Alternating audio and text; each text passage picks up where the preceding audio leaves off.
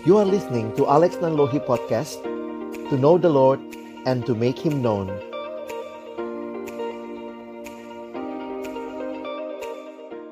Halo teman-teman, ketemu lagi di MBD Mesti banget dengerin Pasti banget. Oke. Iya nih teman-teman kali ini kita sama teman-teman kakak-kakak yang cantik dan abang yang ganteng. Wah. Jadi kita masih bersama di MBD ini bersama Kak Bebet. Halo Kak Bebet.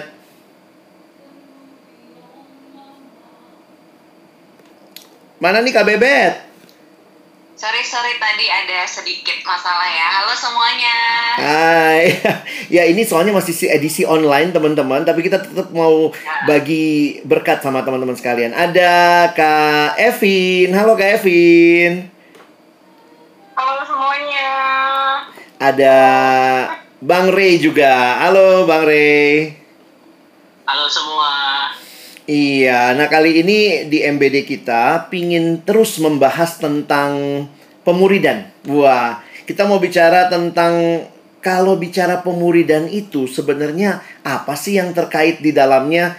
Apa sih yang menjadi hal yang mau dicapai atau cerita apa sih yang sedang kita bangun waktu kita bicara pemuridan? Jadi sedikit banyak kita akan coba menggali tentang ini dan eh, mungkin spesifiknya kita akan ngomongin tentang visi pemuridan itu seperti apa sih? Nah, jadi sa- saya ingin mengajak teman-teman untuk juga boleh memikirkan, merenungkan, dan juga membagikan apa yang teman-teman dapatkan. Tapi kita dengar dulu ya dari kakak-kakak dan abang yang ganteng kali ini. Oke, kita mau dengar dari em, Bang Ray dulu deh. Kalau dengar istilah pemuridan, visi pemuridan, apa sih yang muncul di benaknya Bang Ray? Oke. eh, kalau buatku eh, murid itu kan sesederhana eh, menjadi pengikut dari seseorang yang diteladani. Kalau kita mungkin taunya murid itu eh, pasangannya guru. Nah, eh, sebenarnya Alkitab itu banyak banget nunjukin apa sih artinya menjadi murid. Aku ambil salah satu contoh aja. Sejak manusia diciptakan pertama kali di kejadian satu, Tuhan eh, Mm-mm. eh, melalui eh, kitab kejadian menggambarkan manusia sebagai gambar dan rupa Allah. Oh, oke. Gambar dan rupa Allah Mm-mm. itu aku sering eh, pakai ilustrasi dari bahasa Ibrani-nya Salem yang artinya patung atau ukiran. Oh, oh. maksudnya patung atau ukiran Allah? Manusia hadir di dunia untuk menggambarkan atau mewakili, menyatakan Allah yang adalah Raja di bumi. Itu adalah bagiku konsep menjadi seorang murid gitu. Jadi sebenarnya ada banyak banget gambaran tentang bagaimana menjadi seorang murid. Kalau di kejadian satu teman-teman lanjut baca, Tuhan suruh beranak cucu dan bertambah banyak dalam konteks benar kita Mhm. bertambah banyak, Mhm. tapi kenapa Tuhan minta bertambah banyak? Supaya seluruh dunia kenal siapa Allah, siapa Raja yang sesungguhnya melalui kehadiran manusia yang adalah gambar dan rupa Allah. Bagiku itu secara sederhana aja sudah menggambarkan esensi manusia Hmm. sebagai murid kayak gitu. Dan dalam perjanjian baru gambaran yang lebih jelas adalah melalui Yesus Kristus Sang Allah yang datang ke dalam dunia membangun Mm-mm, mm-mm. kerajaannya dengan cara memanggil murid-murid. Jadi eh, murid itu Iya. emang udah jadi hakikat lah, udah jadi apa ya sesuatu yang memang melekat dalam diri setiap manusia yang Tuhan ciptakan. Jadi buatku Hmm. itu udah hidup kita banget lah. Sebenarnya itu bukan hal yang aneh. Oh baru mau jadi murid ya atau baru mau mau ikut murid ya? Enggak, Hmm. itu sedari awal kita memang dipanggil jadi murid. Iya, jadi menarik juga ya Bang Ray bahwa ini bicara tentang hadir dalam dunia mewakili Allah dan juga boleh merajakan Dia tentunya begitu ya.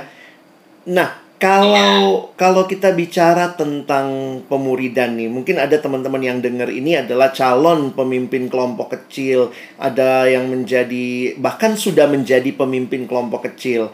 Boleh dengar eh, wawasan dari Kak Evin nggak ya? Kira-kira kalau bicara visi pemuridan apa sih yang teman-teman sebagai pemimpin kelompok kecil yang sudah mimpin ataupun yang akan memimpin jadi calon pemimpin perlu hayati untuk bisa memimpin kelompok kecil pemuridan dengan baik. Gimana Kak Evin?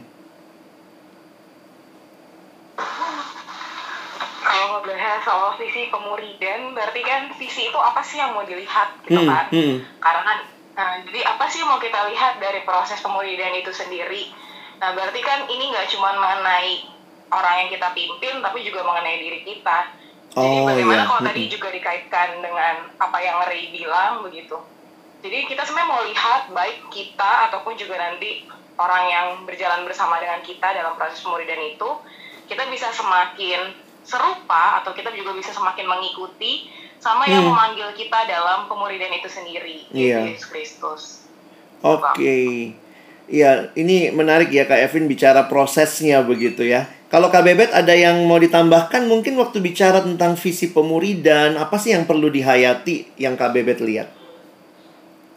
Hmm, kalau aku eh, mendengar kata pemuridan atau memikirkan visi pemuridan, eh, mungkin untuk menambahin yang Evin atau juga Kore udah bagikan, Hmm. aku keingat ya berarti ada sesuatu yang mau dikerjakan gitu bang. Iya. Kayak kita juga biasa ngerti ya Mhm. kalau kita sekolah ya sekolah ya sekolah biasa gitu ya kita di kita belajar sama seorang guru berbagai hal kita pelajari Uh, secara sederhana kita juga diminta untuk kemudian bisa menerapkan apa yang kita pelajari gitu kan nggak ada orang belajar Hmm. Sekadar belajar gitu jadi ya kalau bicara visi pemuridan berarti ada hal yang harus dikerjakan ada satu semacam misi atau tugas Iya. gitu ya Mm-mm. diemban dari orang-orang yang ada di dalamnya gitu terkhusus mereka yang menyebut dirinya murid gitu bang Oke, jadi ini aspek ini ya aplikasinya bukan cuma tahu konsepnya tapi sampai melakukan ya Kak Bebet ya. Iya gitu Uh, uh. Nah, coba sekarang kita mau gali lebih jauh lagi. Kalau misalnya Bang Ray, Kak Evin, Kak Bebet kan pernah jadi pemimpin kelompok kecil dan sekarang pun masih memimpin kelompok kecil. Seberapa penting sih Bang Ray waktu bicara kita perlu punya visi pemuridan? Apa sih yang visi pemuridan itu akan menolong kita waktu kita menjalani proses menjadi pemimpin kelompok kecil ataupun juga orang yang disiapkan memimpin dan ya termasuk kita sebagai adik yang dibina dalam kelompok juga kan seberapa penting sih perlu menghayati visi pemuridan itu? Eh, kalau buatku begini, eh, visi itu kan sesuatu yang dari katanya sendiri kan visi itu melihat gitu Iya. ya.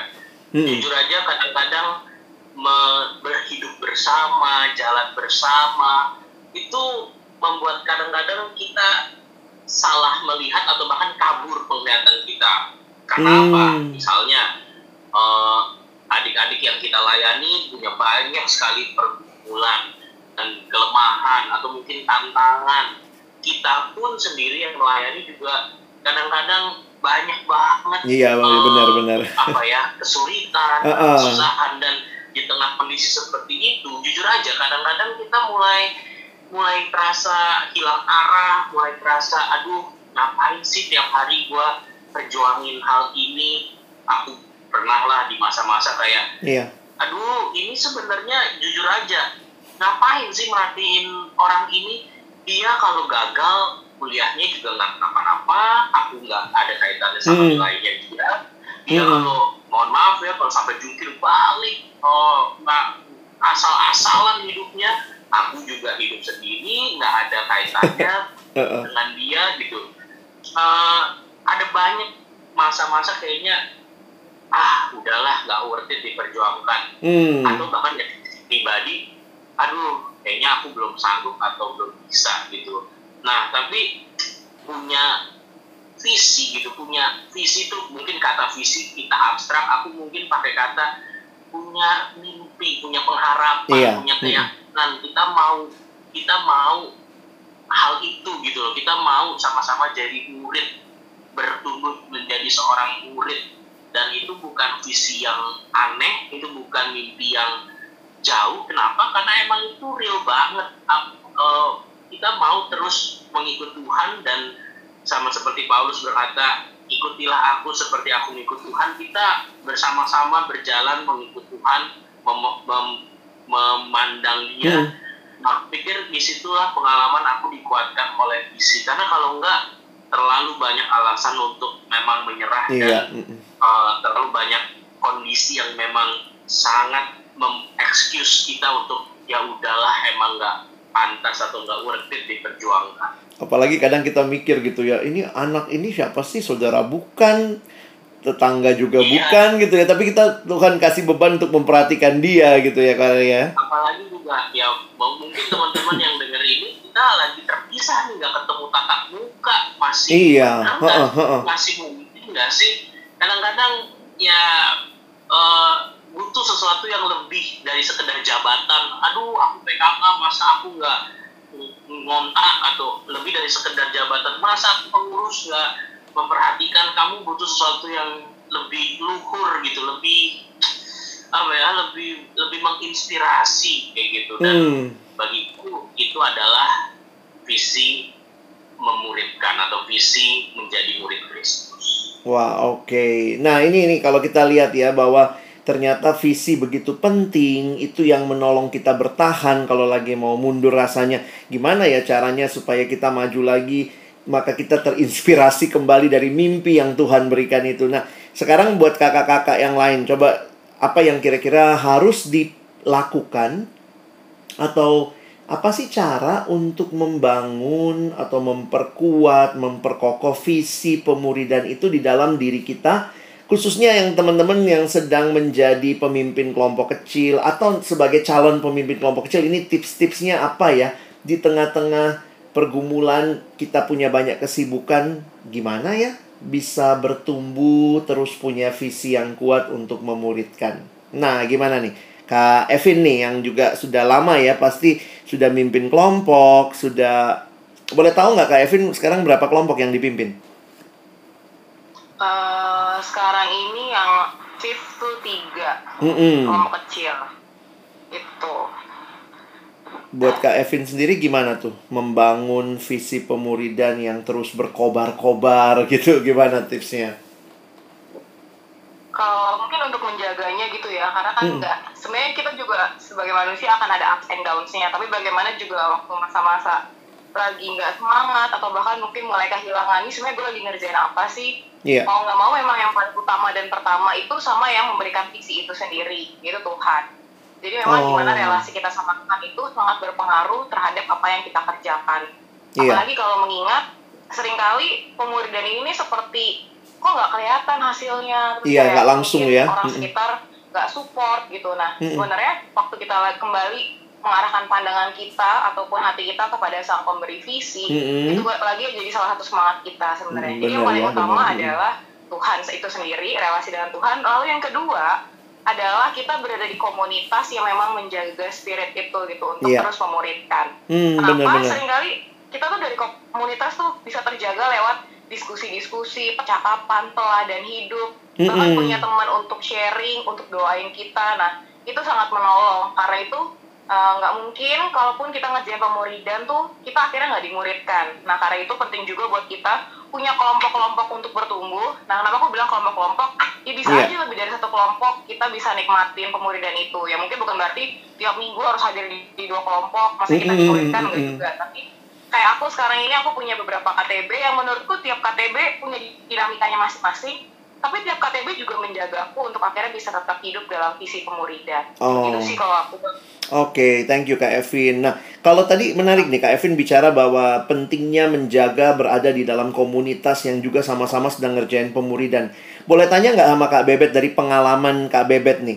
Pengalaman Kak Bebet, uh, teladan itu sekuat apa sih bicara buat Kak Bebet? Karena kalau banyak sharing saya sering kali dengar KBB tuh sangat terinspirasi dengan orang yang dulu memimpin KBB juga mungkin pemimpin kelompok atau teladan-teladan yang lain yang bisa membangun atau menjaga api pemuridan itu dalam hati gimana KBB?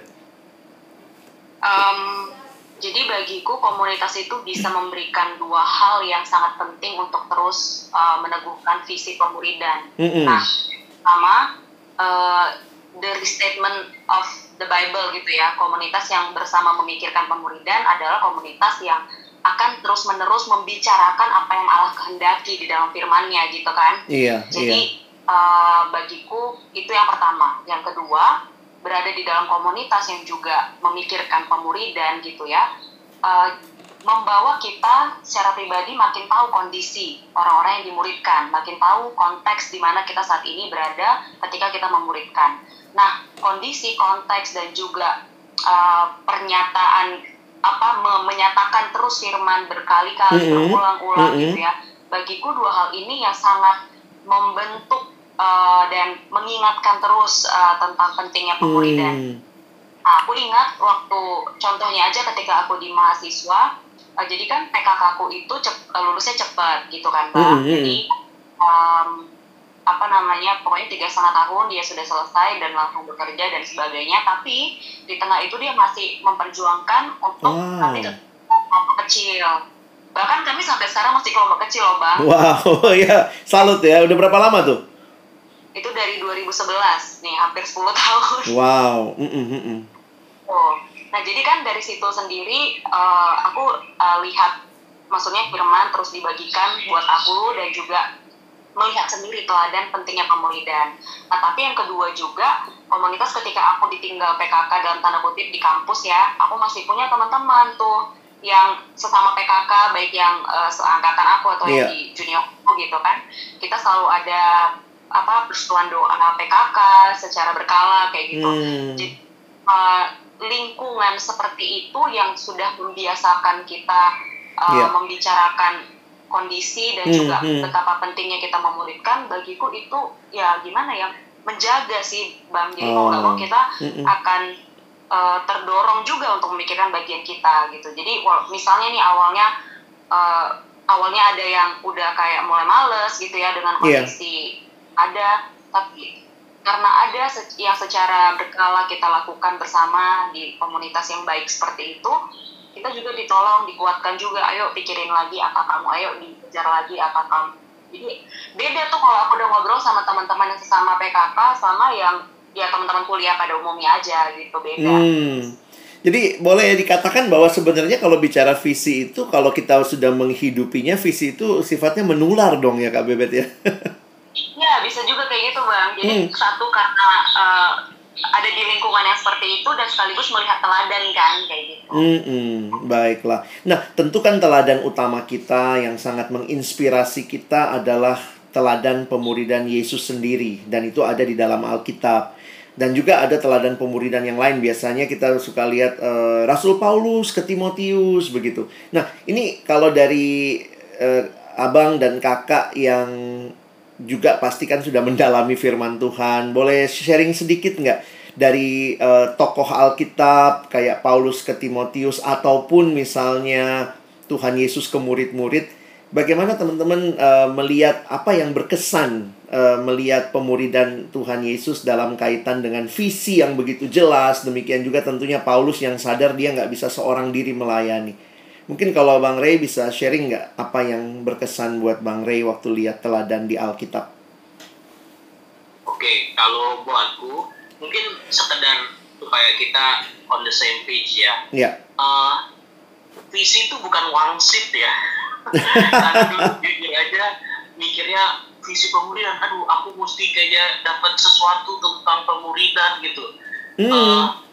visi itu bukan wangsit. Jadi makanya teman-teman mau tahu apa itu pemuridan, seperti apa gambarannya melihat Mhm. memuridkan.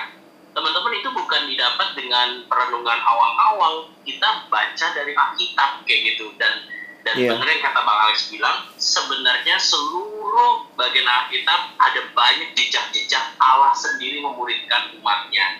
Salah Hmm. satu yang mungkin lebih mudah dan memang puncak cara Tuhan menunjukkan dirinya mau mengajak jemaatnya mengikut dan bertumbuh bersama adalah melalui kehadiran Yesus. Hmm. Secara pribadi aku sangat eh, ketika berbicara tentang Yesus betul eh, kita membacanya dan melihat kayaknya aduh Yesus itu guru yang sempurna.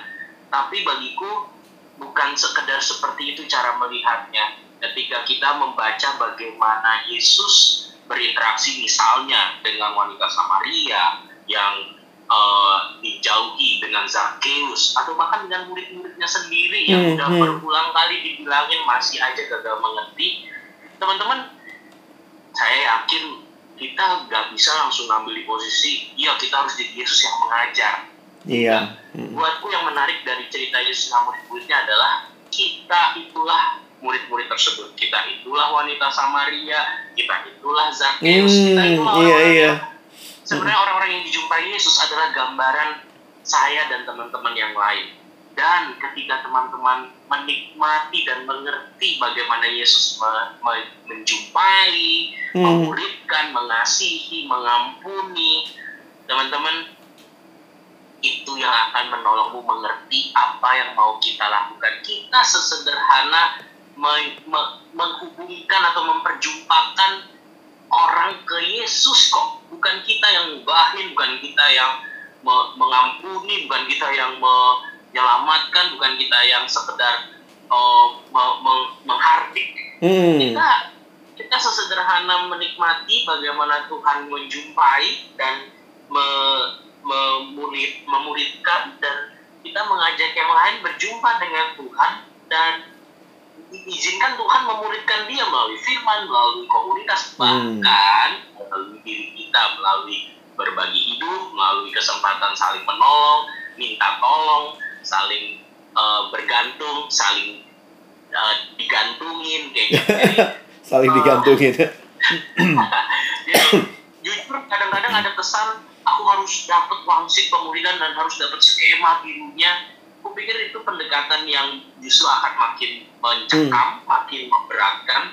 Kalau kamu baca cerita Yesus, kau akan melihat posisikan diri bukan di Yesusnya, tapi orang-orang di sekitarnya. Kita itulah saudara yang memuridkan dan kita sesederhana eh, Nathanael ya mengajak Iya. gerakan Andrea ya mengajak orang berjumpa dengan Yesus yang mau Hmm. memuridkan. Jadi Tuhan sendiri kok yang pada pada akhirnya rindu membentuk dan eh, mengasihi setiap orang dan kalau ada kita yang Tuhan panggil menurutku itu kesempatan dan anugerah yang luar biasa. Oke, Bang Ray, terima kasih ya. Jadi menggarisbawahi salingnya itu dan juga gimana waktu membaca kisah-kisah pemuridan Yesus jangan melulu menempatkan diri saya seperti Yesus yang memimpin ya, tetapi bagaimana juga bisa menempatkan diri jadi murid yang sedang dibentuk oleh Yesus melalui proses kita sedang memimpin juga. Thank you Bang Ray. Kalau Kak Evin nih gimana? Ada yang berkesan nggak dari kisah pemuridan di Alkitab bagi Kak Evin? Iya, kalau buat aku sendiri bang, bagian-bagian yang berkesan tuh seperti melihat bagaimana Yesus memanggil dan memilih orang-orang untuk mengikut dia sebagai Hmm. muridnya gitu. Mm-mm. Kayak Petrus, terus mungkin pemucuka yang lainnya atau nelayan-nelayan gitu. Yang notabene pada masa itu mereka orang-orang yang sebenarnya nggak dipandang begitu. Oh iya benar ya. Nah, orang-orang yang Mm-mm. secara mungkin pendidikan juga nggak sehebat yang lain gitu, tapi Yesus Iya. meresikokan dirinya untuk memanggil mereka sebagai murid-muridnya. Karena kan pasti beberapa orang tuh akan melihat atau menilai rabi atau gurunya itu kan ya sehebat apa sih murid-muridnya ini gitu Iya, dan Yesus iya. mau panggil mereka.